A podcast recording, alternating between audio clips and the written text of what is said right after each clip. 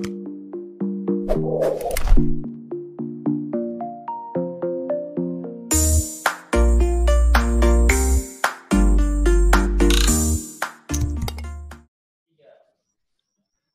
bahagia kerabat desa Indonesia.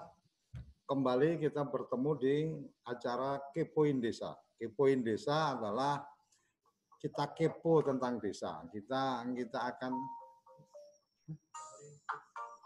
kita akan ngobrolin tentang desa, kita akan mendiskusikan tentang desa dan kemudian uh, hari ini, pagi ini, kita kedatangan tamu dari Bali, Bung Iwan Dewantama. Bung Iwan Dewantama adalah aktivis konservasi.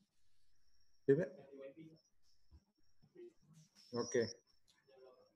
Jadi, aduh, sorry ini ada gangguan di ada gangguan di sinyal.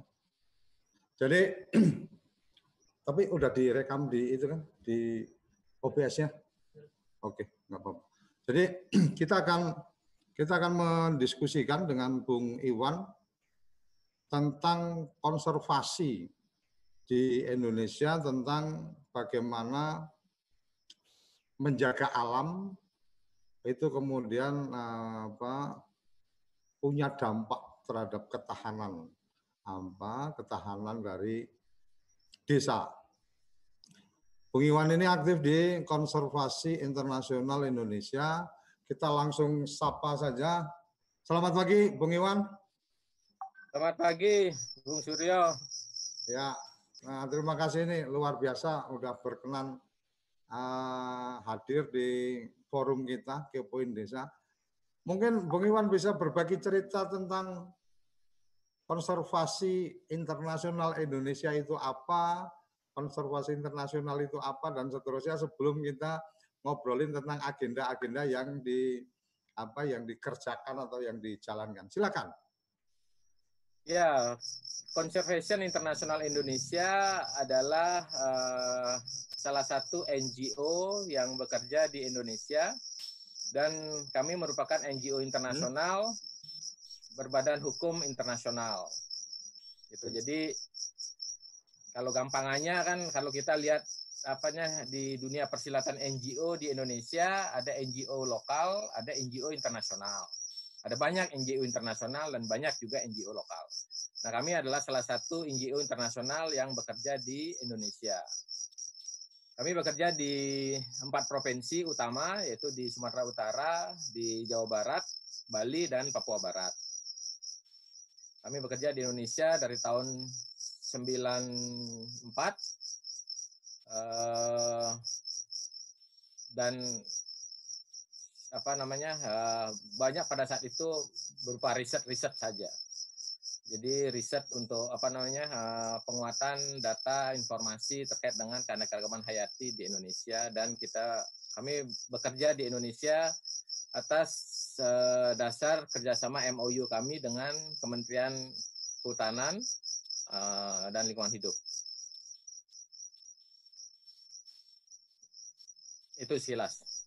Untuk aktivitas uh, konservasi internasional sendiri, apakah ini ada jaringan-jaringan dengan agenda khusus?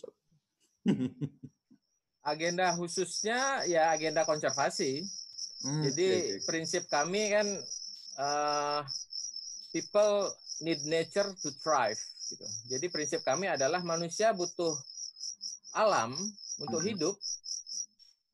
Nah, jadi kami ingin memastikan alam atau apa ekosistem yang ada di muka bumi ini tetap terjaga untuk mensupport kehidupan manusia. Jadi itu apa visi besar kami sebagai organisasi. Itu, Jadi itulah agenda khususnya.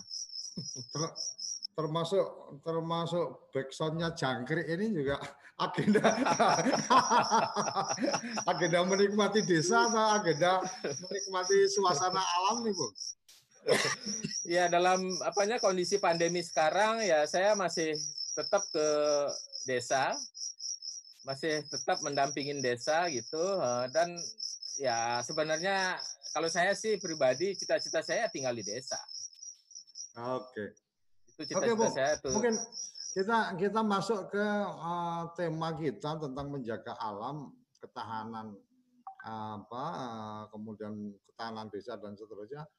Uh, sebenarnya kalau kita berbicara desa, kearifan-kearifan desa itu kan sebenarnya sudah sangat luar biasa bersahabat dengan alam ya. Artinya kalau kita bicara desa di saya sih sering saya sering mengartikan desa pegunungan sama desa-desa pesisir. Kalau desa-desa pegunungan itu pasti bersahabat dengan alam, tapi kalau desa pesisir kan memang dia harus menaklukkan alam kan gitu. Artinya uh, untuk dia di laut dan seterusnya kan memang harus dengan apa tough dia harus bisa menaklukkan itu supaya dapat ikannya kan gitu. Nah, ketika kemudian dulu di desa ada banyak adat istiadat, ada kegiatan-kegiatan termasuk yang kemarin kita sempat diskusikan dengan teman di desa wisata itu adalah tentang uh, merayakan bulan purnama. Ternyata merayakan bulan purnama ini untuk masyarakat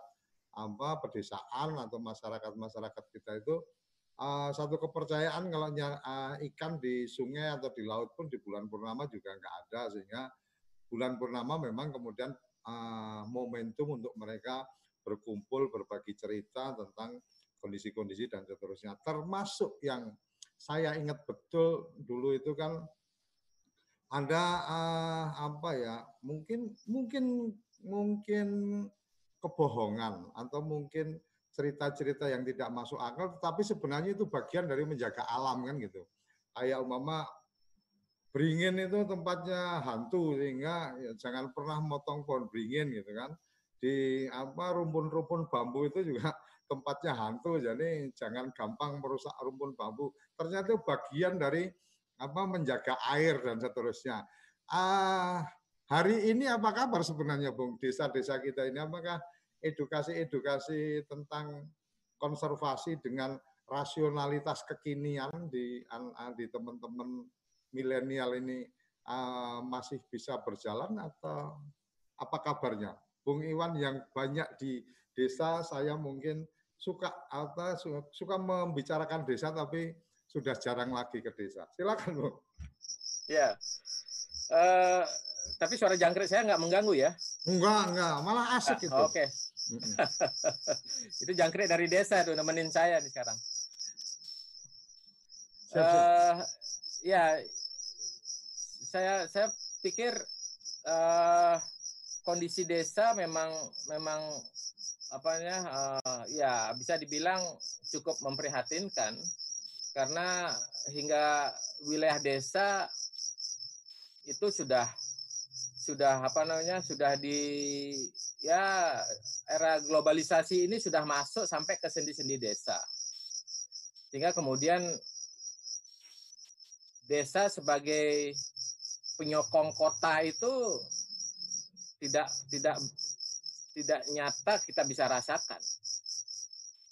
Keberadaan desa itu kemudian menjadi apa ya menjadi daerah pinggiran yang kemudian cenderung menjadi ya tempat orang miskin di desa dan apanya dan beberapa stigma yang yang menyebabkan desa kemudian tidak begitu berkembang bagus.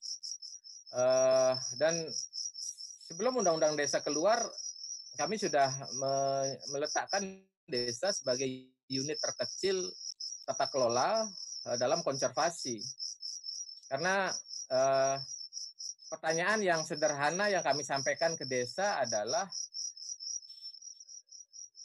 bagaimana desa bisa hidup kalau terjadi sesuatu yang menyebabkan desa terisolasi? Itu pertanyaan sederhana yang harus dijawab di desa. Berapa lama desa atau masyarakat desa bisa hidup kalau tidak ada kontak dengan dunia luar? Kalau desa, katakanlah satu kondisi desa harus terisolasi. Apakah Anda punya air untuk hidup? Apakah Anda punya makan untuk dimakan? dan sebagainya. Itu pertanyaan sederhana sebenarnya yang yang yang sekarang ini yang cukup menghentak buat masyarakat desa gitu karena kalau saya lihat terutama di Bali, alih fungsi lahan di desa itu sudah banyak terjadi untuk menunjang industri pariwisata. Kemudian yang terjadi ya beringin eh, bambu-bambu ya akhirnya ya semakin berkurang karena alih fungsi lahan tadi daripada bambunya tidak begitu mempunyai nilai ekonomi ataupun nilai ekonominya tidak setinggi kalau hutan bambu itu dijadikan resort, dijadikan restoran, dijadikan villa dan sebagainya. Sehingga kemudian budaya menjaga air dengan menjadikan hutan bambu atau hut, atau beringin itu sebagai daerah angker itu ya sudah semakin tipis. Jadi budaya-budaya yang yang disimbolisasikan lewat keangkeran itu padahal sebenarnya budaya kita adalah menjaga air. Karena ya. di mana ada beringin, di situ ada air. Hmm. Nah, hal ini yang kemudian semakin terkikis dalam uh, era uh, globalisasi khususnya di Bali yang kaitannya dengan industri pariwisata yang berkembang begitu pesat. Yang ini membuat kemudian desa semakin rapuh dalam menjaga ketahanannya. Banyak contoh di Bali, desa yang alih fungsinya cukup tinggi. Misalnya desa daratan, sawahnya beralih fungsi. Kemudian kalau desa pesisir, kayak di Nusa Penida, dulu desa itu begitu terkenal sebagai penghasil rumput laut. Hmm sangat terkenal sebagai penghasil rumput laut. Masyarakatnya bisa mensekolahkan anak di Bali uh, karena hasil rumput lautnya. Tapi sekarang apa yang terjadi? Rumput lautnya ditinggalkan karena masyarakat sebagian besar beralih profesi ke dunia pariwisata. Ya, karena itu uang yang sangat gampang mereka dapatkan. Ketika booming pariwisata begitu hebatnya, kunjungan wisatawan ke Bali bisa mencapai angka 5,6 juta per tahun atau di beberapa desa kayak di Lembongan itu bisa dalam satu hari itu bisa sekitar 3.000 wisatawan datang dalam satu hari. Hmm. Nah, jadi ini yang kemudian membuat masyarakat mencari gampang dalam menghidupi kehidupan mereka dan ini yang kemudian membuat ketahanan desa itu menjadi rapuh. Uh, undang-undang undang-undang desa yang lahir uh, kemarin salah satu yang kita coba tangkap adalah mencoba mengakomodir atau mengapresiasi atau memberikan nilai kepada desa adat, memberikan nilai terhadap uh, satuan hukum uh, adat dan seterusnya. Di pandangan Bung Iwan seperti apa kondisi bicara tentang apa hmm, desa adat hari ini dengan apa uh, peraturan perundangan yang kita punya? Ya di Undang-Undang Desa kan jelas di situ di ada klausul yang menyatakan apa namanya desa dalam bentuk desa dinas atau desa adat itu kan bisa menjadi pilihan. Hmm. Dan pada saat itu di Bali memang diskusinya sangat alot antara pilihan desa dinas dengan desa adat. Jadi ada kerinduan atau romantisme masa lalu beberapa komponen masyarakat di Bali yang ingin kembali pada desa adat. Cuman masalahnya kan infrastruktur atau SDM di desa adat sendiri kan masih kurang. Karena selama ini ya desa adat sudah digantikan fungsinya oleh desa dinas. Desa adat di Bali hanya lebih kepada urusan ritual. Urusan apa eh, yang lebih bersifat budaya atau agama. Hanya itu urusan desa adat selama ini di Bali selama puluhan tahun semenjak ya semenjak desa dinas semakin menjadi apa namanya perangkat negara dalam bekerja hingga tingkat desa. Nah di Bali akhirnya kemudian ya khususnya pemimpin-pemimpin di Bali ya akhirnya tetap aja memilih desa dinas. Jadi melepaskan peluang yang ada di undang-undang desa, ya akhirnya ya Bali menjadi sama dengan daerah-daerah lainnya. Sistem tata kelola artinya, di tingkat desa. Artinya ketika ada akomodasi atau ada uh, ruang untuk kemudian keberadaan desa adat ini apa uh, di diakui dalam tanda petik apa uh, di urusan uh, apa pemerintahan itu tidak diambil peluang itu secara maksimal oleh teman-teman di Bali atau gimana? Ya, jadi eh, peluang untuk menjadikan sistem tata kelola desa berbasis desa adat di Bali itu tidak diambil. Oh, oke okay, oke okay, Okay. Jadi tetap dipilih desa dinas. Artinya mungkin nah. lebih lebih lebih nyaman teman-teman berhubungan dengan desa dinas daripada desa adat atau gimana?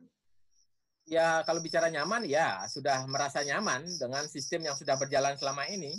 Hmm. Cuman pertanyaannya kemudian adalah sejauh mana sistem tata kelola di desa itu kemudian mengakomodir semangat undang-undang desa, bagaimana sejarah desa, bagaimana kekuatan atau apa namanya nilai-nilai adat istiadat yang menjadi kekuatan desa itu kemudian menjadi bagian dalam keseharian dalam tata kelola desa kan itu menjadi pertanyaan besar.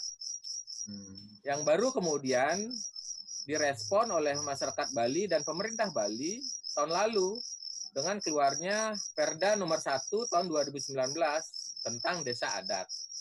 Oh sudah ada perdanya ya? Sudah. Hmm. Jadi baru lahir tahun lalu perdanya uh, uh, tentang desa adat.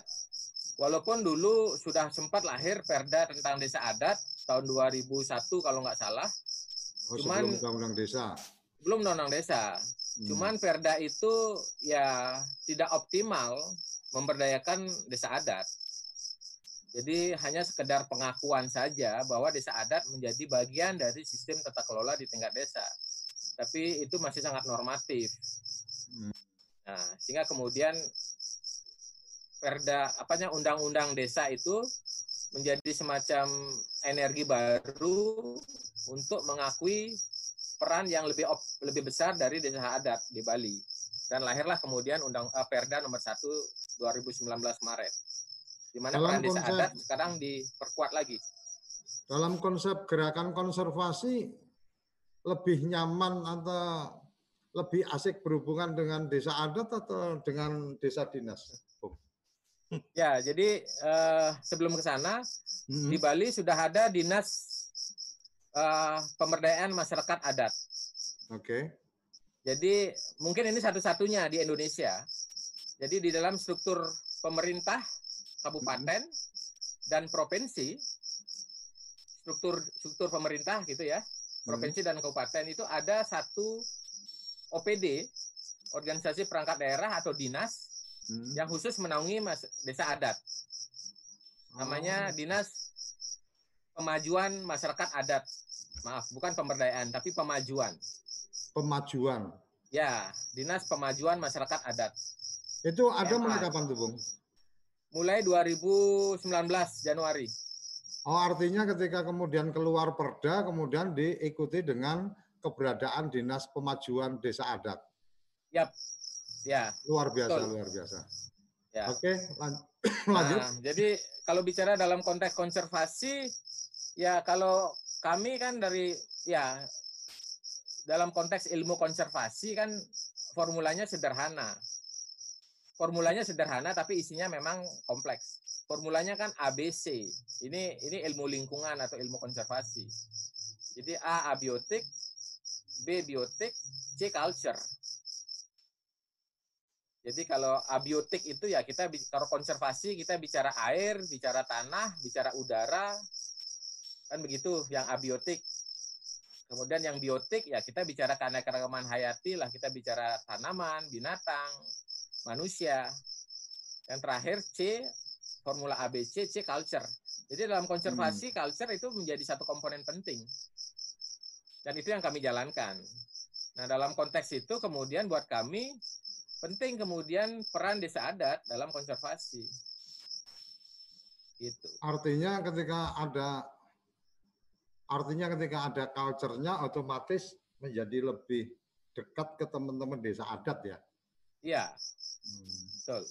Yang yang sekarang sudah dilakukan atau yang sekarang sudah dilakukan konsep uh, konsep konservasi terkait dengan desa apa dengan desa dan seterusnya yang teman-teman di CI Indonesia di Bali apa-apa aja nih bisa dibagi cerita bang di sini. Ya jadi ya berangkat dari pertanyaan yang tadi saya sempat sampaikan, sahabat sahabat singgung tadi, pertanyaan yang harus dijawab oleh masyarakat desa adalah berapa lama mereka bisa bertahan bila situasi memaksa bahwa mereka harus bertahan secara mandiri. Nah, dari situ kemudian desa harus menghitung apa yang mereka punya. Sumber daya apa yang mereka punya. Nah, kami kemudian memfasilitasi desa-desa untuk melakukan pemetaan partisipatif. Jadi kami kami fasilitasi aparat dan masyarakat desa untuk ayo kita sama-sama petakan desa kita. Karena selama ini banyak desa atau masyarakat desa nggak tahu bahwa di desanya itu ada potensi-potensi yang selama ini nggak terhiraukan, tidak terkelola. Katakanlah misalnya ada potensi apa eh, goa, ada potensi mata air, ada potensi eh, budaya, tari-tarian atau apa pun yang selama ini tidak terungkap dengan dengan optimal. Masuk potensi sumber daya alam ya. Yang lainnya. Nah, itu yang kemudian kami lakukan di di desa, kita fasilitasi mereka untuk melakukan pemetaan partisipatif. Sehingga dari situ kemudian bisa dipetakan potensi desa baik dalam konteks potensi alam, sosial, budaya dan ekonomi. Sehingga desa semakin paham apa potensi mereka yang mereka harus jaga sehingga desa bisa bertahan. Sehingga ketahanan masyarakat desa itu bisa dibangun. Sehingga ketika satu kondisi yang memaksa mereka terisolasi begitu, itu mereka bisa bertahan hidup. Termasuk juga mengidentifikasi apa yang mereka butuhkan dari luar yang tidak ada di desa. Nah, dari situ dari situ kemudian kita bangun konsep perdesaan kerjasama antar desa. Nah ini semua ternyata ya di, sudah diakomodir dengan baik di dalam undang-undang desa. Artinya undang-undang desa hmm, sangat artinya undang-undang desa cukup untuk kemudian apa lebih membantu teman-teman dalam konteks gerakan konservasi apa berbasis desa dan seterusnya. Sangat, sangat. Hmm, okay, ya, Uh, saya termasuk apa namanya uh, orang yang sangat senang dengan lahirnya undang-undang desa. Gitu. Ya kebetulan sama Budiman Sujatmiko juga ya pernah ngobrol-ngobrol juga gitu. Hmm. Kita juga uh, uh, sudah sempat berkomunikasi sama Budiman Sujatmiko kemarin. Saya minta untuk bisa hadir di forum kita karena uh, teman-teman dari Pansus kemarin ketua Pansusnya Mas Mukoam sudah sempat hadir di forum kita mendiskusikan itu. Jadi kita pengen tanya sebenarnya mereka-mereka yang waktu itu apa terlibat dalam pembuatan undang-undang desa kemudian melihat hari ini sebenarnya sudah sesuai harapan mereka atau belum kan gitu. Oke, balik lagi ke ke konservasi. Uh, ide tentang apa pulau kecil dan seterusnya yang sempat kita obrolin mungkin bisa di-sharing di kesempatan kali ini, Bung. Ya, uh, kami bekerja di Bali kan membawa satu satu misi yang menurut kami sangat penting yaitu membangun uh, small island resilience. Jadi membangun ketahanan pulau kecil. Karena menurut kami pulau-pulau kecil di Indonesia itu cenderung kurang terurus. Negara tidak benar-benar hadir dalam mengelola pulau-pulau kecil. Hmm. Tapi ya syukurlah di era Pak Jokowi ya itu mulai tergarap. Bagaimana membangun Indonesia dari apanya dari pinggir, Gila, dari perba, negara apa tempat-tempat perbatasan Kemudian undang-undang desa lahir kan ini sekarang nih mulai kelihatan bagaimana seharusnya kita menempatkan desa sebagai apa ya sebagai ya ujung tombak dalam menguatkan bangsa.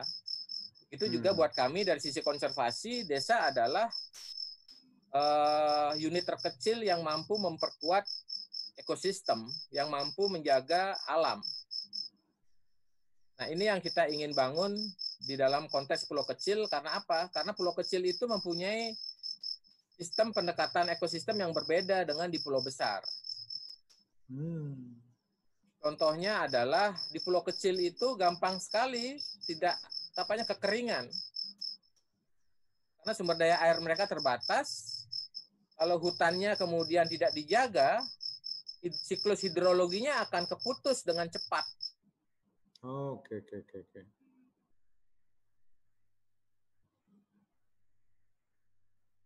Halo? Halo, Bung Iwan? Hmm? Ngelak ya?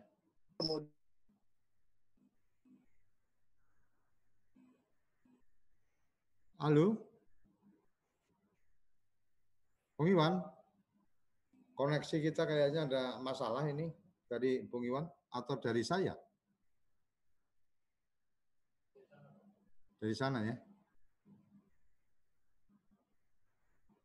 Oke, kita uh, sambil menunggu apa koneksi dengan Bung Iwan. Jadi tadi sempat disampaikan oleh uh, Bung Iwan bahwa ide untuk bagaimana pengembangan atau uh, pengelolaan satu pulau kecil apa uh, menjaga poten apa menjaga ketahanan ber, berbasis pulau kecil eh, ini yang yang mungkin menjadi apa bagian dari apa yang sedang dikerjakan oleh konservasi internasional Indonesia di Bali kita coba menunggu koneksi lagi dengan Bung Iwan. Jadi respon terhadap undang-undang desa positif dari teman-teman di gerakan konservasi dan masyarakat adat apa di di Bali. Alhamdulillah 2019 sudah lahir perda tentang desa adat. Nah, semoga ini lebih menguatkan Eh, keberadaan desa adat, apalagi ditambah dengan adanya dinas pemajuan desa adat. Jadi bukan pemberdayaan ini menarik, pemajuan desa adat. Jadi uh, bukan melakukan pemberdayaan, tapi melakukan uh, proses untuk lebih memajukan desa adat. Nah, uh, ide konservasi ini sangat luar biasa yang apa kita bisa tangkap dari Bung Iwan tadi. Jadi tentang bagaimana menjaga menjaga ke ketahanan sumber daya air, ketahanan pangan itu konservasi menjadi kata kuncinya. Jadi kita harus benar-benar bersahabat dengan alam, kita harus benar-benar apa menyatu dengan alam sayang sekali ini komunikasi dengan apa Bung Iwan tidak apa tidak terkoneksi. Ada ah, ini ada komentar di chatting ada Mas Widi Hartono. Oke Mas Widi Hartono terima kasih untuk komentarnya. Termasuk daerah tandus yang butuh konservasi ini. Mas Widi Hartono boleh bergabung silakan. Mas Widi kalau apa memungkinkan bergabung di Zoom kita, silakan kebetul uh, di ID Zoom kita 801 802 1234. Jadi gampang sekali nomornya diingat 801 802 1234. Silakan yang uh, ingin berkomentar langsung di apa di tayangan kita boleh bergabung sambil menunggu koneksi ulang ke Bung Iwan karena apa ini juga sedang kita komunikasikan untuk bisa terkoneksi lagi. Silakan Bung Iwan bisa kembali masuk nanti ah, dan teman-teman juga bisa ikut apa ikut bergabung di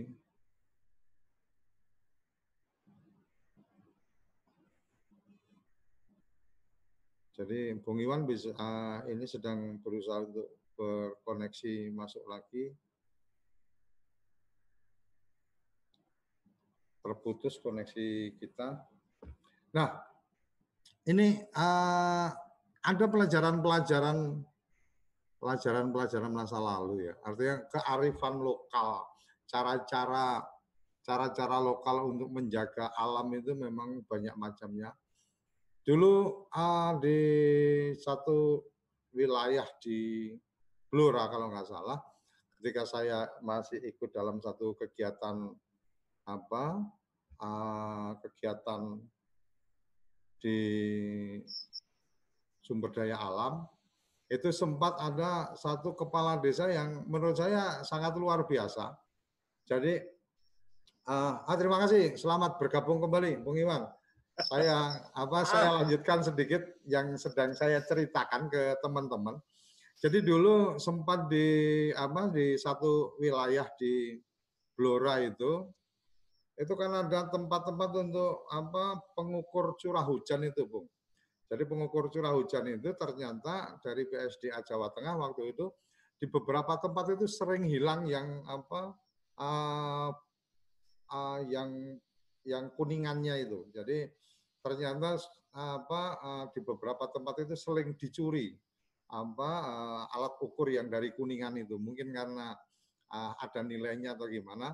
Nah, yang menarik pada saat itu adalah ketika saya ketemu dengan salah satu kepala desa yang kemudian karena tanggung jawab dia untuk apa untuk bisa untuk bisa menjaga itu itu ada yang unik bung di apa yang di, di apa yang diajarkan atau yang dimintakan oleh teman kepala desa ini. Jadi teman kepala desa ini menyampaikan ke petugas yang akan apa melakukan apa pengambilan apa eh, air atau apa saya nggak tahu persisnya tapi kan memang rutin ada petugas yang akan datang ke rumah tempat apa eh, alat ukur itu jadi dia menyampaikan kepada semua petugas kalau mau masuk ke situ itu supaya bakar kemenyan yang sudah disiapkan, gitu kan. Jadi uh, suruh berpura-pura melakukan ritual gitu. Nah ternyata ini cukup efektif. Orang yang melintas ke situ itu apa jadi takut untuk kemudian mendekat. Nah kalau mendekatnya aja takut, apalagi mau nyuri kan jelas nggak akan terjadi gitu kan. Jadi ya. pas saya ketemu sama Pak Kades itu saya bilang Bapak luar biasa. Enggak Mas, orang di sini kan ya, ya bukan bukan orang di sini artinya dia bilang uh, salah satu cara untuk kemudian itu barang supaya aman yang membuat tempat itu sepertinya angker. Jadi saya minta setiap yang datang itu ya tolonglah bakar dan selalu saya siapkan. Bahkan ada juga teman apa petugas yang kadang-kadang pas datang ke situ apa bawa satu bungkus apa kembang apa bunga dan sebagainya ditabur di situ. Jadi ketika orang melintas ke situ jadi semakin yakin bahwa oh itu tempat yang memang apa angker dan seterusnya sehingga tidak datang ke situ. Ini ini apa saya melihat satu kecerdikan yang mungkin waktu itu masih bisa jalan tapi kalau hari ini dengan teknologi yang sudah luar biasa apalagi apa di sosial media kita di YouTube aja uh, hantu malah dikejar-kejar sama youtuber ini kan saya nggak ngerti lagi harus bagaimana. Lanjut Bung Iwan uh, berbagi cerita tentang konsep tadi apa pulau kecil dan seterusnya. Ya. Apa? Uh, ya dari uh, konservasi di di pulau kecil itu uh, mempunyai pendekatan yang berbeda dengan konservasi di pulau besar. Nah, karena apa? Karena di pulau kecil itu mereka sangat antar ekosistem itu terkait satu sama lain dengan begitu kuat. Yang kemudian apa namanya ya siklus hidrologinya itu untuk menjaga air itu dalam dalam satu cakupan pulau yang kecil. Sehingga ini cenderung kemudian harus diperhatikan. Karena ini kalau ini salah dalam tata kelola, itu pulau itu terancam kekeringan. Kemudian bisa terancam juga penurunan muka tanah. Kalau akuifernya, pengambilan air bawah tanahnya dilakukan cukup tinggi, intensif. Jadi pengambilan air bawah tanah di pulau kecil dengan pengambilan air tanah di Jawa atau di pulau besar lainnya, itu konsekuensi ekologinya sangat berbeda. Nah, ini yang harus dipahami bagaimana mengelola pulau kecil dalam konteks konservasi itu menjadi penting. Nah, di situlah kemudian kami ingin membangun sebuah model di Bali, karena Bali juga menjadi sebenarnya menurut kami ini pulau kecil. Walaupun kalau berdasarkan Undang-Undang nomor 27 tentang Undang-Undang nomor 27 tahun 2007 tentang pengelolaan wilayah pesisir dan pulau-pulau kecil, di sana disebutkan pulau kecil itu adalah satu area pulau yang mempunyai luas minimal eh, eh maksimal 2000 km persegi. Jadi ada ukuran angka dalam Undang-Undang 27 yang disebut pulau kecil. Nah, Bali sendiri kurang lebih 5000. Jadi kalau berdasarkan undang-undang Bali bukan pulau kecil. Tapi harusnya pengertian pulau kecil itu bukan berdasarkan ukuran. Contohnya Bali sendiri. Bali ini kalau secara ilmu geologi, Bali mempunyai sekitar 9 cekungan uh, air tanah, CAT. Hmm. Jadi ini ilmu hidrologi lah, ilmu ilmu bawah tanah tentang aquifer. Jadi hmm. di mana-mana ada yang namanya cekungan air tanah yang nyimpan air tanah itu di bawah. Nah di Bali ini ada delapan dan satu cekungan air tanahnya itu sangat besar, mencakup hampir enam kabupaten hmm. di Bali. Itu tadi jadi ada satu cekungan air tanah yang sangat besar. Artinya apa? Artinya sembilan eh, enam kabupaten ini berbagi sumber daya alam yang sama, sumber air yang sama. Bali cuma sembilan kabupaten kota. Kalau enam aja berbagi satu sumur, hmm Ini kan pulau kecil sebenarnya. Karena apa? Karena ini satu ekosistem yang di, di apa namanya yang dimanfaatkan oleh sembilan kabupaten kota. Okay. Jadi sebenarnya ukuran pulau kecil adalah sejauh mana ekosistem penunjang dari ekosistem menjadi ukuran. Okay. Kalau enam kabupaten kota mempunyai satu sumur yang sama, berarti mereka ini adalah satu ekosistem uh, pulau yang yang yang apa namanya yang harus pendekatannya adalah interkoneksi atau terhubungan. Nah ini yang juga kita coba bangun di desa. Oke. Okay. Jadi desa kita tanya apa yang kamu punya dan apa yang kamu butuhkan dari desa tetangga. Hmm. Nah itu yang kemudian kami coba bangun hubungannya. Bagaimana kami sebenarnya ini bukan hal yang baru karena di Bali kami punya sistem subak yang begitu sudah begitu terkenalnya. Kita hmm. dulu ingat waktu kecil SD itu kan salah satu soal pelajaran yang kita yang sering muncul adalah sistem pertanian eh sistem per apa pengairan. Pengairan, ya. Nah, sistem subak pengairan itu, yang subak itu saya memahaminya hanya urusan pengelolaan air untuk pertanian aja. Tapi sebenarnya seperti apa tuh, Bang?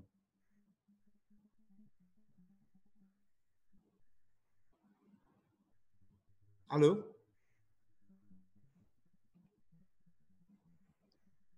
Halo?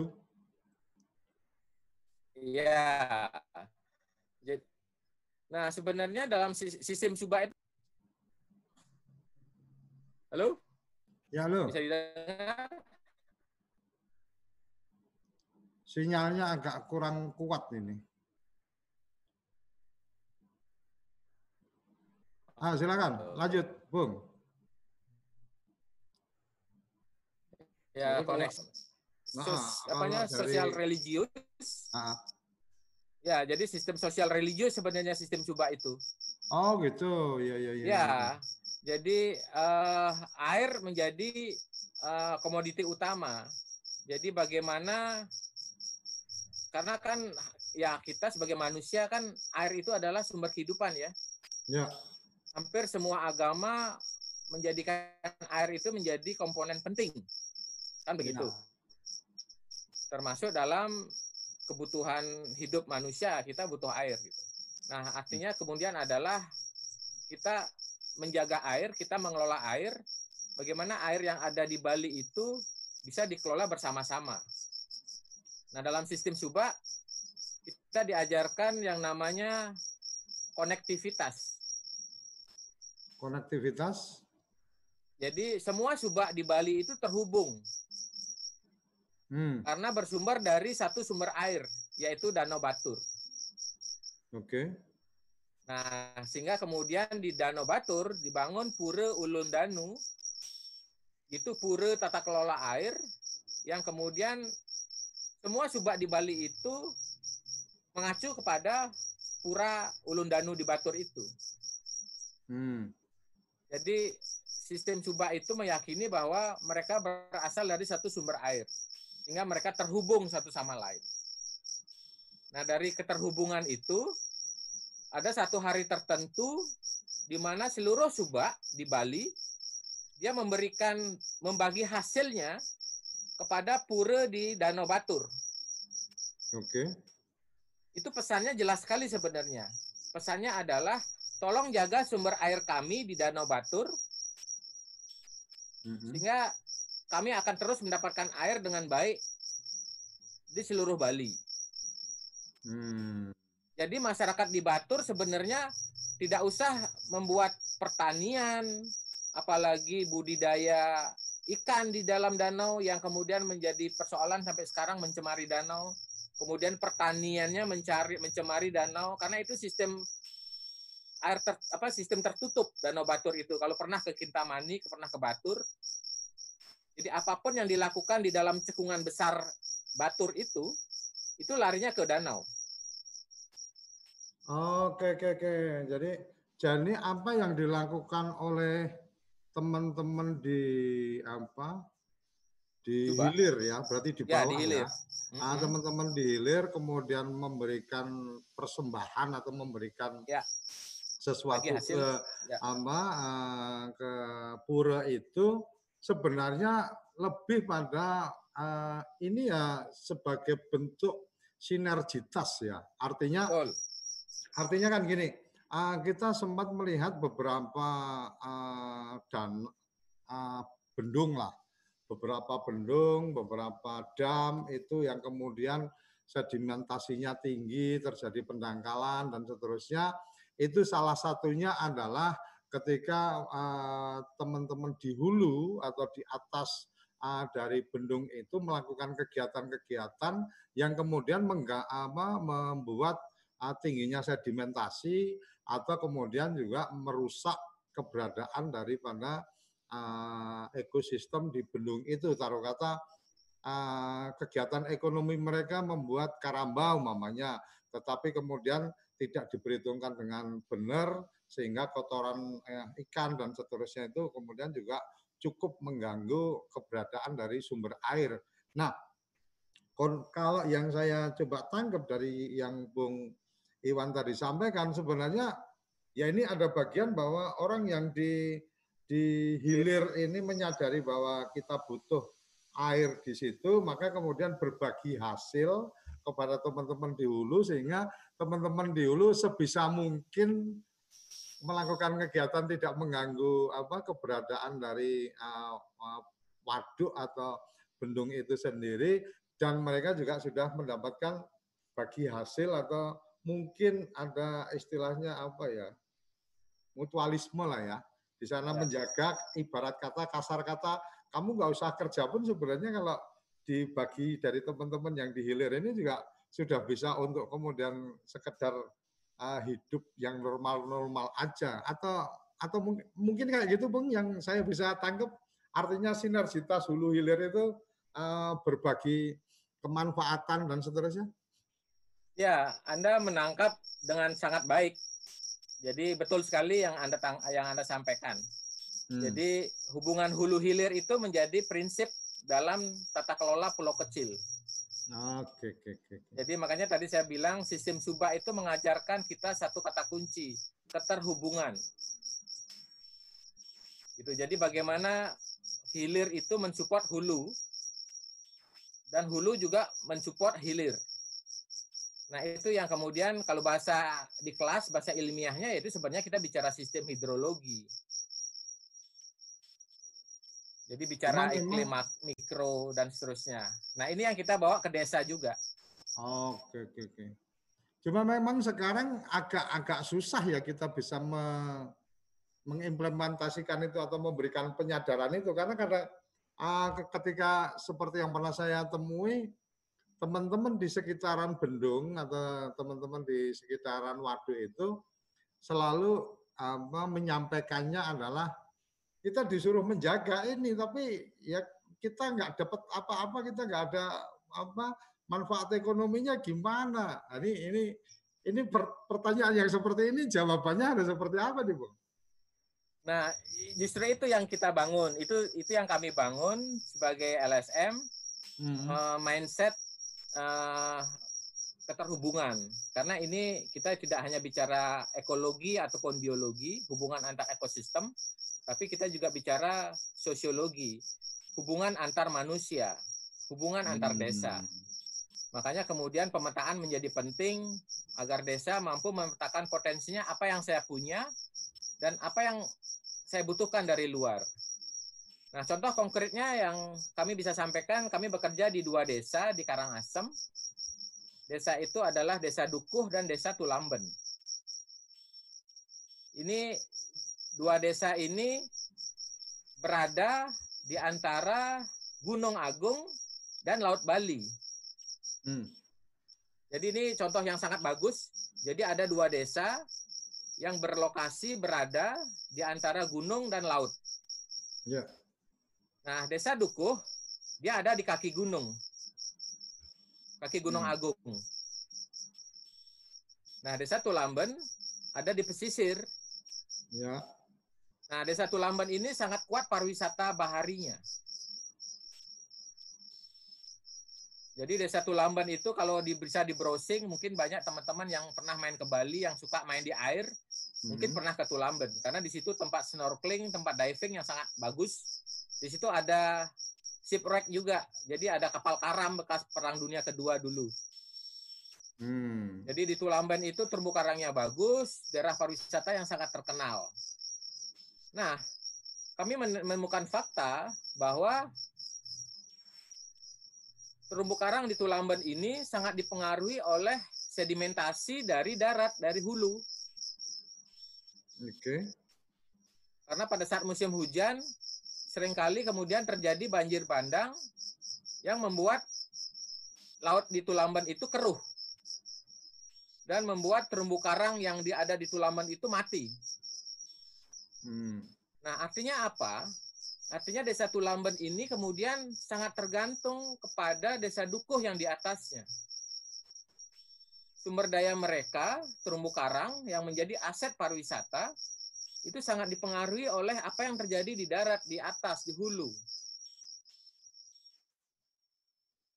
Nah, termasuk juga dalam konteks air.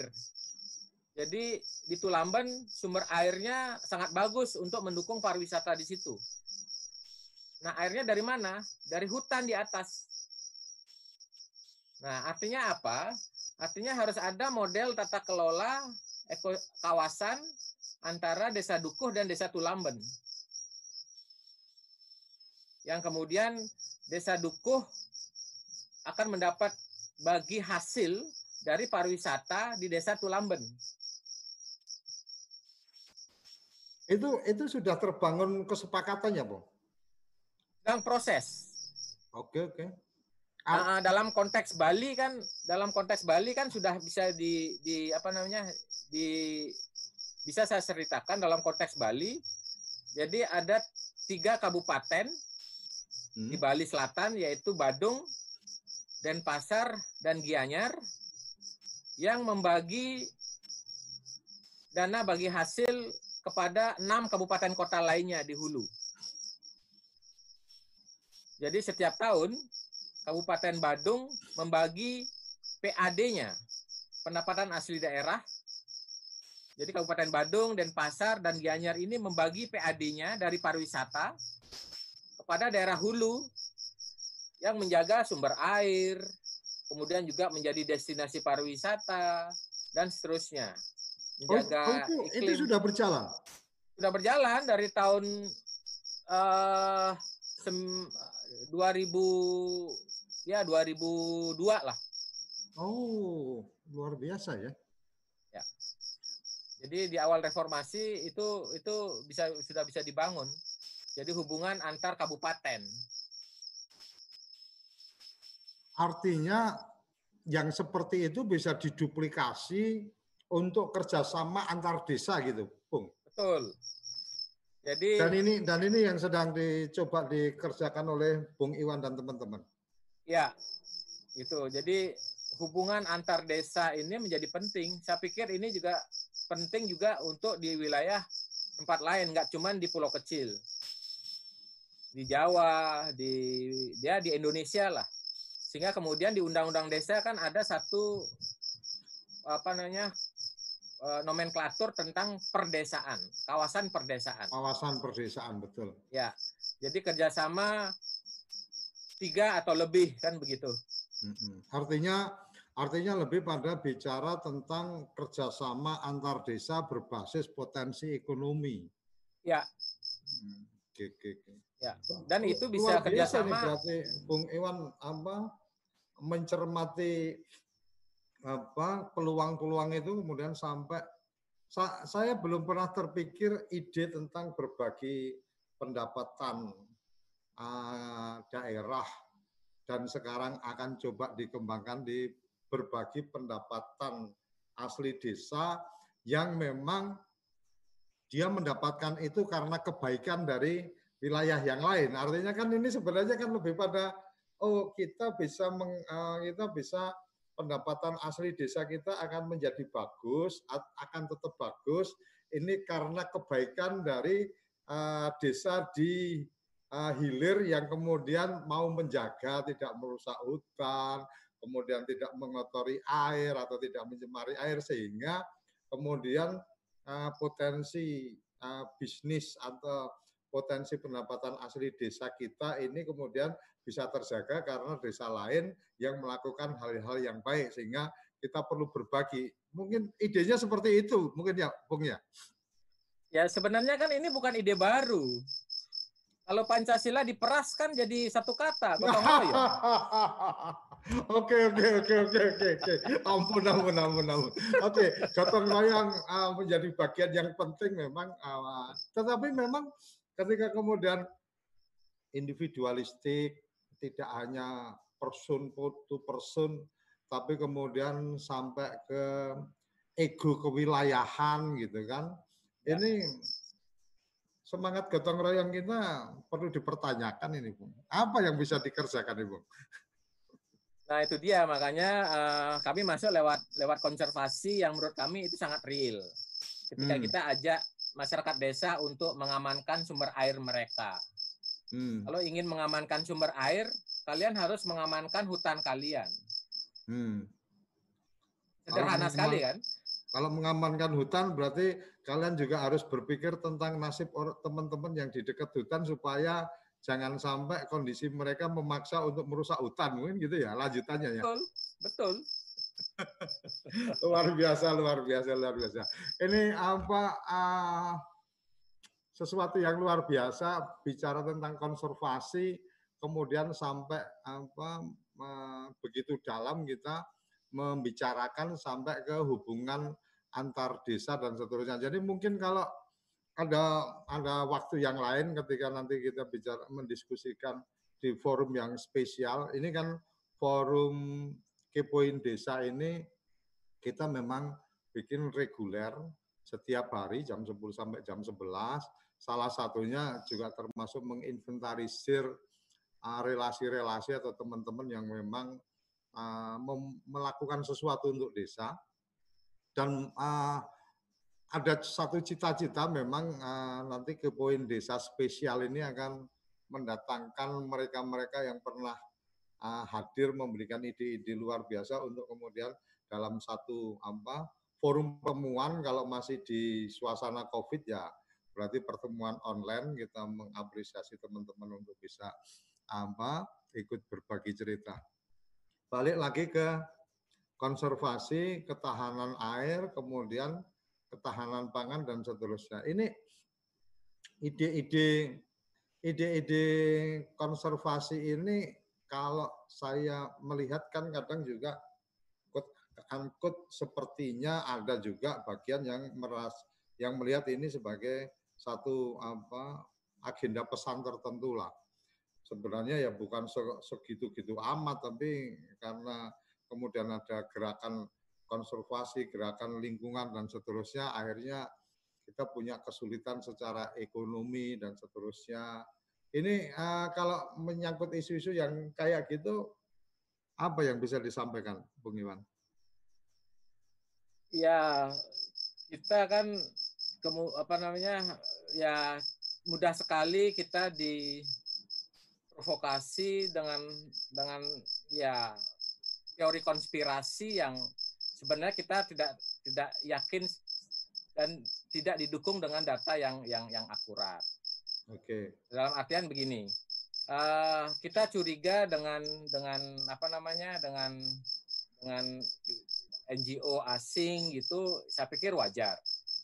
Hmm. Karena bagaimana NGO internasional kemudian punya komitmen terhadap ya terhadap desa lah katakan begitu. Nah ini sebenarnya kan harus dilihat dalam konteks lain bagaimana kemampuan dari orang-orang kita yang mampu memberi warna dalam NGO internasional. Oh, oke, okay, okay, Kan itu yang selama ini nggak dilihat. Yang dilihat adalah wadahnya. Tapi hmm. nggak begitu dilihat siapa yang di dalam. Hmm. Nah, kalau kita mampu memberikan warna terhadap konteks konservasi dunia, yang kemudian katakanlah kemudian kita mampu memberikan pertanggungjawaban publik yang real, yang nyata, ini kan yang kemudian menjadi satu diskursus penting daripada kita lebih banyak curiga karena kalau kita berangkat dari apa namanya uh, tesis sederhananya bagaimana kita menjaga ekosistem alam agar menjaga eh, agar mampu menunjang kehidupan manusia, saya pikir kan itu sangat real. Itu yang menjadi kebutuhan nyata sekarang. Nah, bagaimana ini kemudian menjadi satu concern bersama. Nah, kami cukup senang ketika dunia internasional kita aja ikut memperhatikan apa yang menjadi concern kita di tingkat negara, di tingkat provinsi, hingga di tingkat desa. Nah ini yang ini yang saya pikir uh, menarik untuk kita jadikan sebuah diskursus positif. Entah dia NGO lokal, entah dia NGO internasional, kan tinggal kita tanyakan dampak yang kalian berikan apa terhadap masyarakat, dampak yang kalian berikan terhadap desa seperti apa, apa yang sudah dilakukan, track recordnya seperti apa, kan tinggal di dicek di situ. Nah di era sekarang kan saya pikir itu lebih mudah dilakukan, melacak kerja-kerja lapangan, kerja-kerja uh, real di, di di masyarakat yang yang dilakukan. Jadi ya kalau saya sih melihatnya seperti itu. Artinya ketika kita bicara uh, agenda-agenda lingkungan hidup, agenda-agenda konservasi dan seterusnya, kita jangan melulu melihat kepada uh, wadahnya atau NGO-nya seperti apa, tapi lebih pada bagaimana uh, track record yang sudah dia kerjakan. Itu satu. Yang kedua, Kemudian ketika ada presentatif yang ada di Indonesia, maka sisi yang lain adalah kita perlu melihat siapa-siapa yang ada di dalamnya dan kemudian sudah melakukan apa untuk uh, keperluan masyarakat. Kira-kira begitu? Bung ya, itu yang itu yang paling penting. Alat ukur yang paling gampang adalah dampak yang sudah didapatkan. Kerjanya seperti apa? Oke. Okay. Kan itu yang sederhana sekali yang kita bisa cek. Gitu. Oke, Bung Iwan, eh, benar yang sudah tadi saya sampaikan satu jam itu panjang, tapi kalau ngobrolnya asik pasti nggak berasa dan benar nggak berasa ini sudah di penghujung acara. Terima kasih Bung Iwan atas kehadirannya jadi tamu di Kepoin Desa dan benar-benar uh, tadi kita bisa kepo beneran tentang desa di Bali kepo beneran tentang konservasi desa seperti apa dan seterusnya. Terima kasih. sudah bergabung ya. uh, di acara kita, Bung Iwan. Terima kasih oh, kembali dengan teman -teman. dengan senang hati juga. Siap. Berbagi. Oke. Terima kasih uh, kerabat desa. Tidak terasa waktu sudah di penghujung acara kita pukul 11 waktu Indonesia Barat. Jadi kalau di tempat Bung Iwan berarti sekarang pukul 12. Ah, hari ini kita banyak belajar dari Bung Iwan, kita banyak mendapatkan pencerahan tentang apa itu konservasi, apa itu desa adat di Bali, apa itu subak sebenarnya, Kemudian yang terakhir adalah bagaimana kita menyikapi uh, eh, NGO asing, bagaimana kita melihat uh, apa keberadaan NGO-NGO itu dengan jernih, mesti melihat track record dan seterusnya. Ini sesuatu yang sangat luar biasa. Jadi jangan jangan selalu melihat uh, apa NGO asing itu uh, pasti punya agenda yang tidak baik untuk kita, tetapi lebih pada ayo kita lihat bahwa apa yang sudah dia kerjakan untuk kita.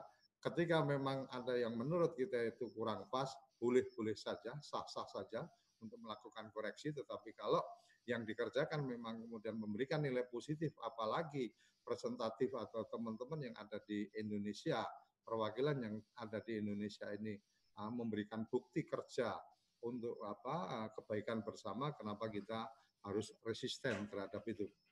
Saya pikir ini uh, momen yang luar biasa Kepoin Desa hari ini. Sampai jumpa di episode kita berikutnya dan karena besok libur kita juga akan apa uh, acara libur hari Jumat akan bergabung bersama kita peneliti uh, dari Kementerian Desa akan berbicara tentang uh, problematika dan uh, seputaran BLT uh, dana desa.